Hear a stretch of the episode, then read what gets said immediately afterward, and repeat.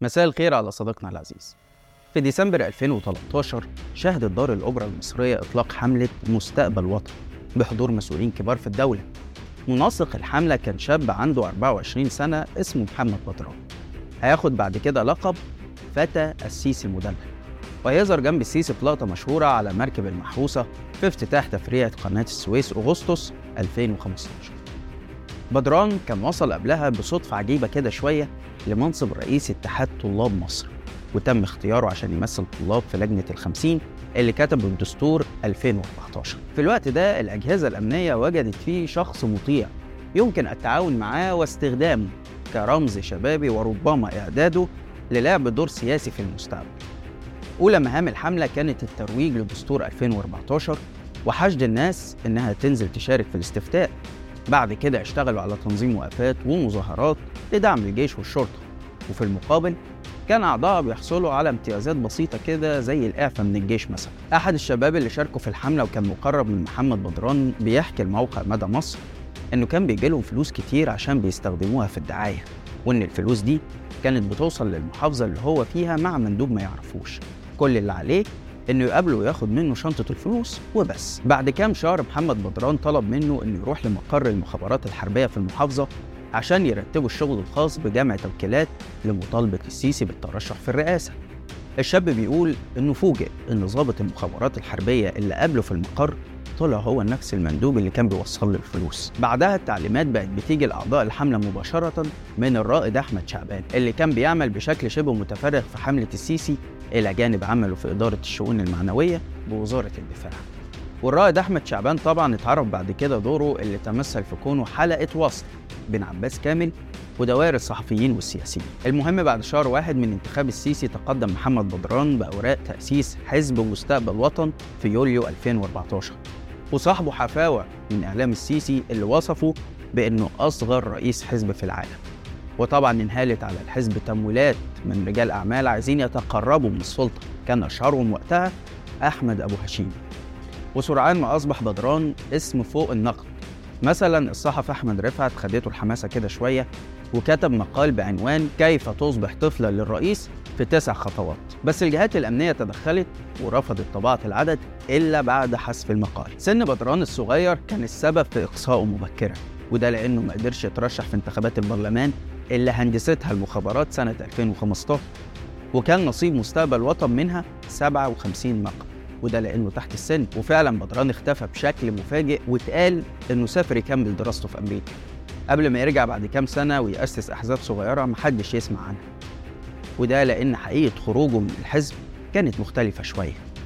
التسريبات قالت إن في خلافات حصلت بين أجنحة محسوبة على أجهزة أمنية مختلفة وكانت نتيجتها صعود أشرف رشاد لرئاسة مستقبل وطن ومعاه تحول الحزب لنسخة رديئة من الحزب الوطني بما في ذلك انه استقطب فعلا القادة السابقين في الحزب المحل بالمحافظات ورشحهم في انتخابات 2020 اللي الحزب فاز بأغلبية مقاعدها عشان يتحول من حزب شباب السيسي لحزب الأغلبية. بس ده طبعا خلى الحزب مرتع للفاسدين وفعلا اكتشفت قضايا فساد كبيرة تورط فيها نواب عن الحزب. ده غير إنهم أسسوا فريق كورة اسمه مستقبل وطن بس لما ما عرفوش يصعدوه للدوري الممتاز راحوا اشتروا فريق كوكاكولا وغيروا اسمه لفيوتشر واشتروا لعيبة بملايين الجنيهات عشان يخلوه واحد من أقوى فرق الدوري حاليا. ده غير إن رئيس شركة فيوتشر أحمد دياب نائب مجلس الشيوخ عن حزب مستقبل وطن هو نفسه رئيس رابطة الأندية. مرورا بقى باعتراف أشرف رشاد بالتعاون مع المخابرات الحربية اللي اعتبرهم لاعب أساسي في الساحة السياسية. وقال إنهم أكثر من تحمس لنا ودعمونا وساعدونا. ونهاية باللجوء لأسلوب البلطجة في التعامل مع خصوم السياسيين زي ما شفنا بالظبط كده اللي حصل من يومين في نقابة المهندسين. إزاي ممكن نتخيل مستقبل الوطن طول ما السلطة والنفوذ في إيد ناس زي بلطجية حزب مستقبل وطن ده اللي هنحاول نعرفه معاكم في حلقة النهاردة. بس قبل ما نبدأ الحلقة يا ريت تشاركوا الحلقة مع أصحابكم ولو عايزين تدعموا المحتوى اللي إحنا بنقدمه اعملوا انتساب في القناة. أنا عبد الرحمن عمر وده برنامج الحكاية.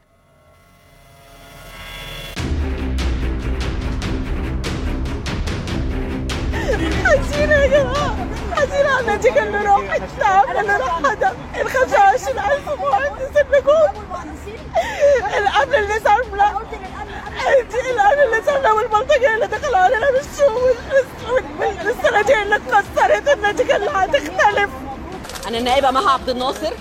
أنا بقدم بلاغ للنائب العام عن البلطجة اللي حصلت في في ال في ال في ال في الجمعية العمومية لصاحب الثقة بتاعه نقيب المهندسين اللي اللي بعتوا بلطجية علشان عارفين إن هم خسرانين.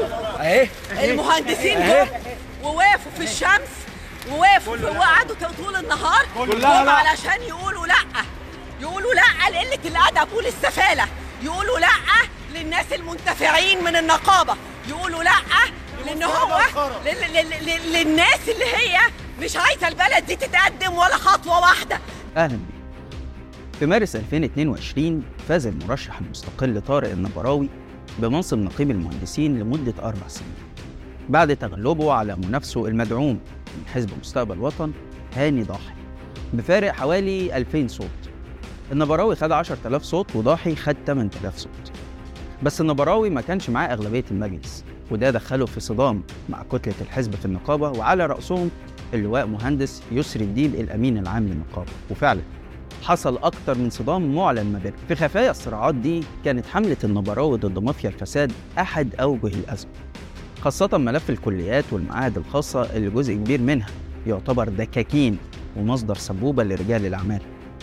النقيب المنتخب لجأ لعموم المهندسين عشان يتحامى فيهم. وفعلا أيدوا قراراته في مارس 2023 لما طرح الخلاف بينه وبين الأمين العام للتصويت في الجمعية العمومية عشان توافق على تكليف النبراوي بتغيير الأمانة العامة وإعادة تكليف كافة اللجان في ضربة واضحة لحزب مستقبل وطن الأمور ما هديتش من وقتها ولجأ الحزب لشن حرب مفتوحة ضد النقيب وصلت أقصاها لما دعا أعضاء الحزب لسحب الثقة من النقيب. ومرة تانية يلجأ النبراوي لعموم المهندسين ويشرح لهم كل أبعاد المؤامرة ضده. وفي يوم الجمعية العمومية تحصل مفاجأة غير متوقعة. بحضور 25 ألف مهندس. رقم قياسي. أغلبية ساحقة رايحة تأيد استقلال النقابة وترفض سيطرة السلطة والأمن عليها. وما يعكرش صفو المشهد الديمقراطي الجميل ده غير بلطجية الحزب اللي هجموا على الصناديق وقطعوا ورق التصويت. في مشهد هممي لا يمت لأي سياسة ولا أخلاق أو تحضر. مين بقى البلطجية اللي عملوا كده؟ موقع صحيح مصر اتعرف من الصور والفيديوهات على عدة أشخاص كانوا بيقودوا الهجوم على النقابة. أولهم النائب إيهاب العمدة عضو مجلس النواب وعضو الهيئة العليا لحزب مستقبل وطن واللي كان عضو سابق في الحزب الوطني المنحرف. مش بس كده ده كان متهم بعد الثورة بالاعتداء على ثوار التحرير في القضية المعروفة باسم موقعة الجمل. يعني جاب البلطجة من أولها. الصور كمان ظهر فيها النائب أحمد عبد الرحمن راضي عضو مجلس النواب عن حزب مستقبل وطن وضابط الشرطة السابق وابن عبد الرحمن راضي أقدم برلماني عن الحزب الوطني المنحل في منطقة شبرا. ده غير نائب ثالث اسمه أبانوب عزت عزيز ونائب رابع اسمه عيد حماد. كان متهم قبل كده في قضية مخدرات وأعضاء آخرين بقى في الحزب من منطقة الشرابية ومناطق تانية. كل دول مش أعضاء في الجمعية العمومية للنقابة ولا تربطهم أي صلة بالهندسة أصلا.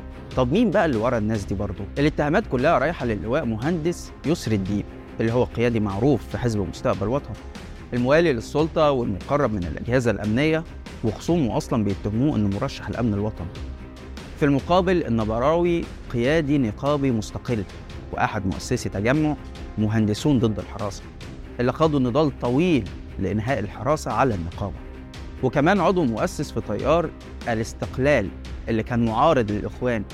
يعني مش هتنفع معاه بقى التهمة الجاهزة بتاعت الجماعة الإرهابية والكلام ده.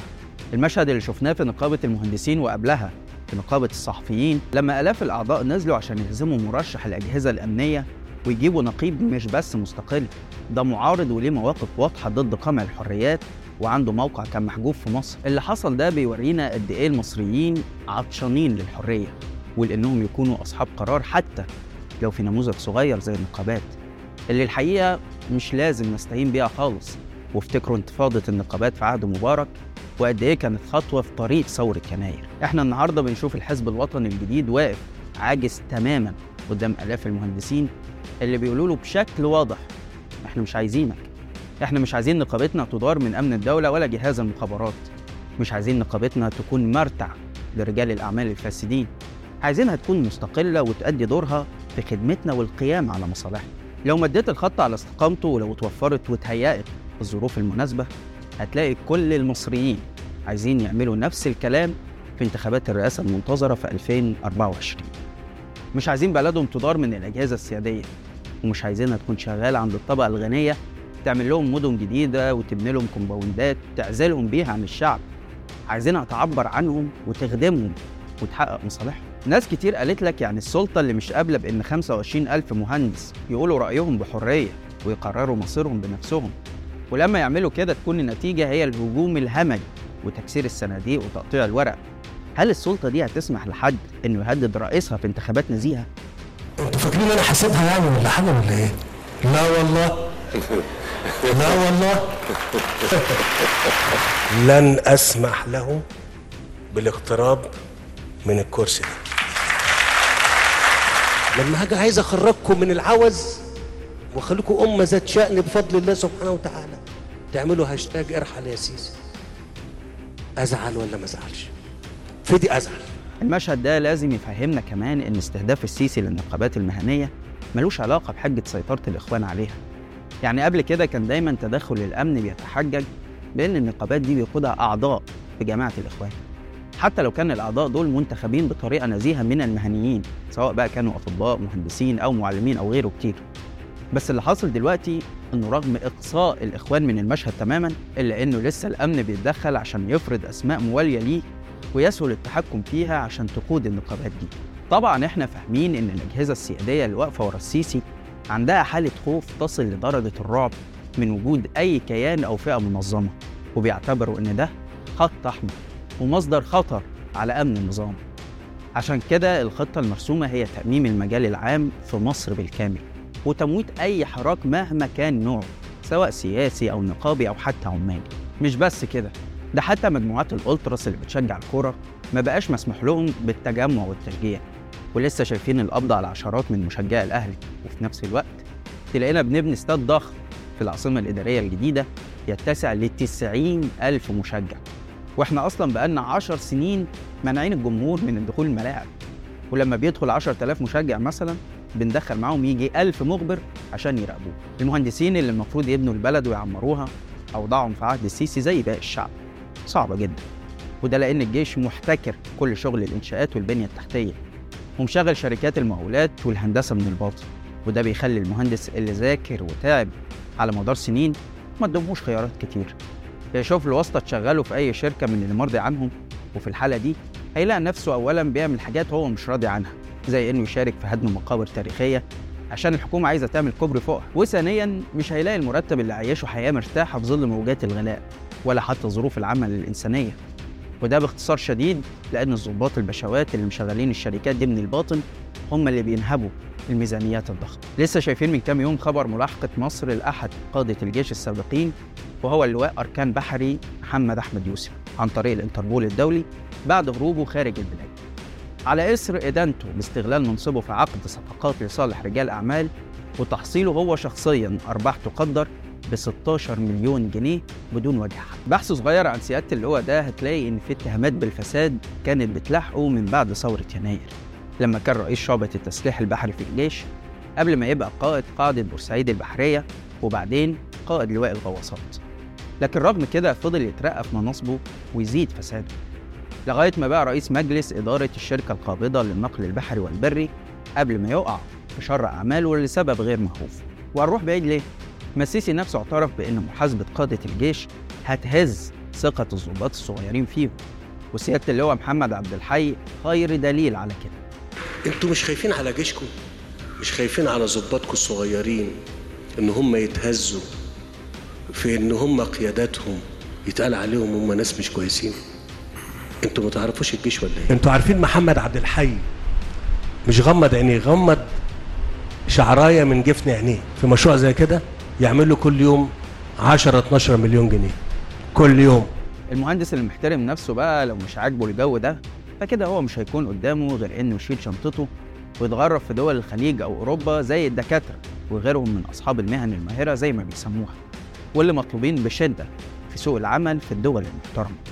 الدول اللي بتدي العيش لخبازه وبتلجأ للناس المتخصصين والدارسين فعمرك ما تلاقي عندهم كوبري داخل في بلكونة ولا كوبري تاني تبقى طالع عليه تحس إنك بتقاوم موجات تسونامي. الدول اللي مش مهتمة يكون عندها أكبر ساري علم ولا أطول برج أيقوني بس مهتمة توفر لشعبها حياة كريمة وتحاسب المسؤولين. الدول اللي النقابات فيها قوية وصوتها مسموع وبتدور على مصالح أعضائها وخدمتهم. الدول اللي ما فيهاش أجهزة سيادية بمعنى إن الضباط اللي فيها سادة والشعب عبيد. لكن فيها مؤسسات قوية ملتزمة بحدود دورها وبتؤدي أعمالها باحترافية عشان تحفظ أمن بلدها وتعزز نفوذها تجربة النقابات في مصر ملهمة جدا وبتمثل من وجهة نظري بارقة أمل لأنها دليل حي على أنها مهما بلغت السلطة من درجات القمع والتحكم هيفضل المصريين قادرين ينتزعوا مساحات يعبروا فيها عن نفسهم وعن أحلامهم. في النهاية كل الدعم لمهندسين مصر في نضالهم ومعركتهم العادلة. وكل أملنا وثقتنا إن المستقبل يكون أفضل بإرادة وعزيمة كل المصريين. بس كده. لحد هنا والحلقة خلصت. لو الحلقة عجبتك شارك الحلقة وتابع حساب شباك وحسابي على الانستجرام. هتلاقي اللينك في الوصف. واستنانا كل يوم اثنين وجمعة الساعة 8 بالليل بتوقيت القاهرة في حلقة جديدة من برنامج إيه الحكاية. سلام.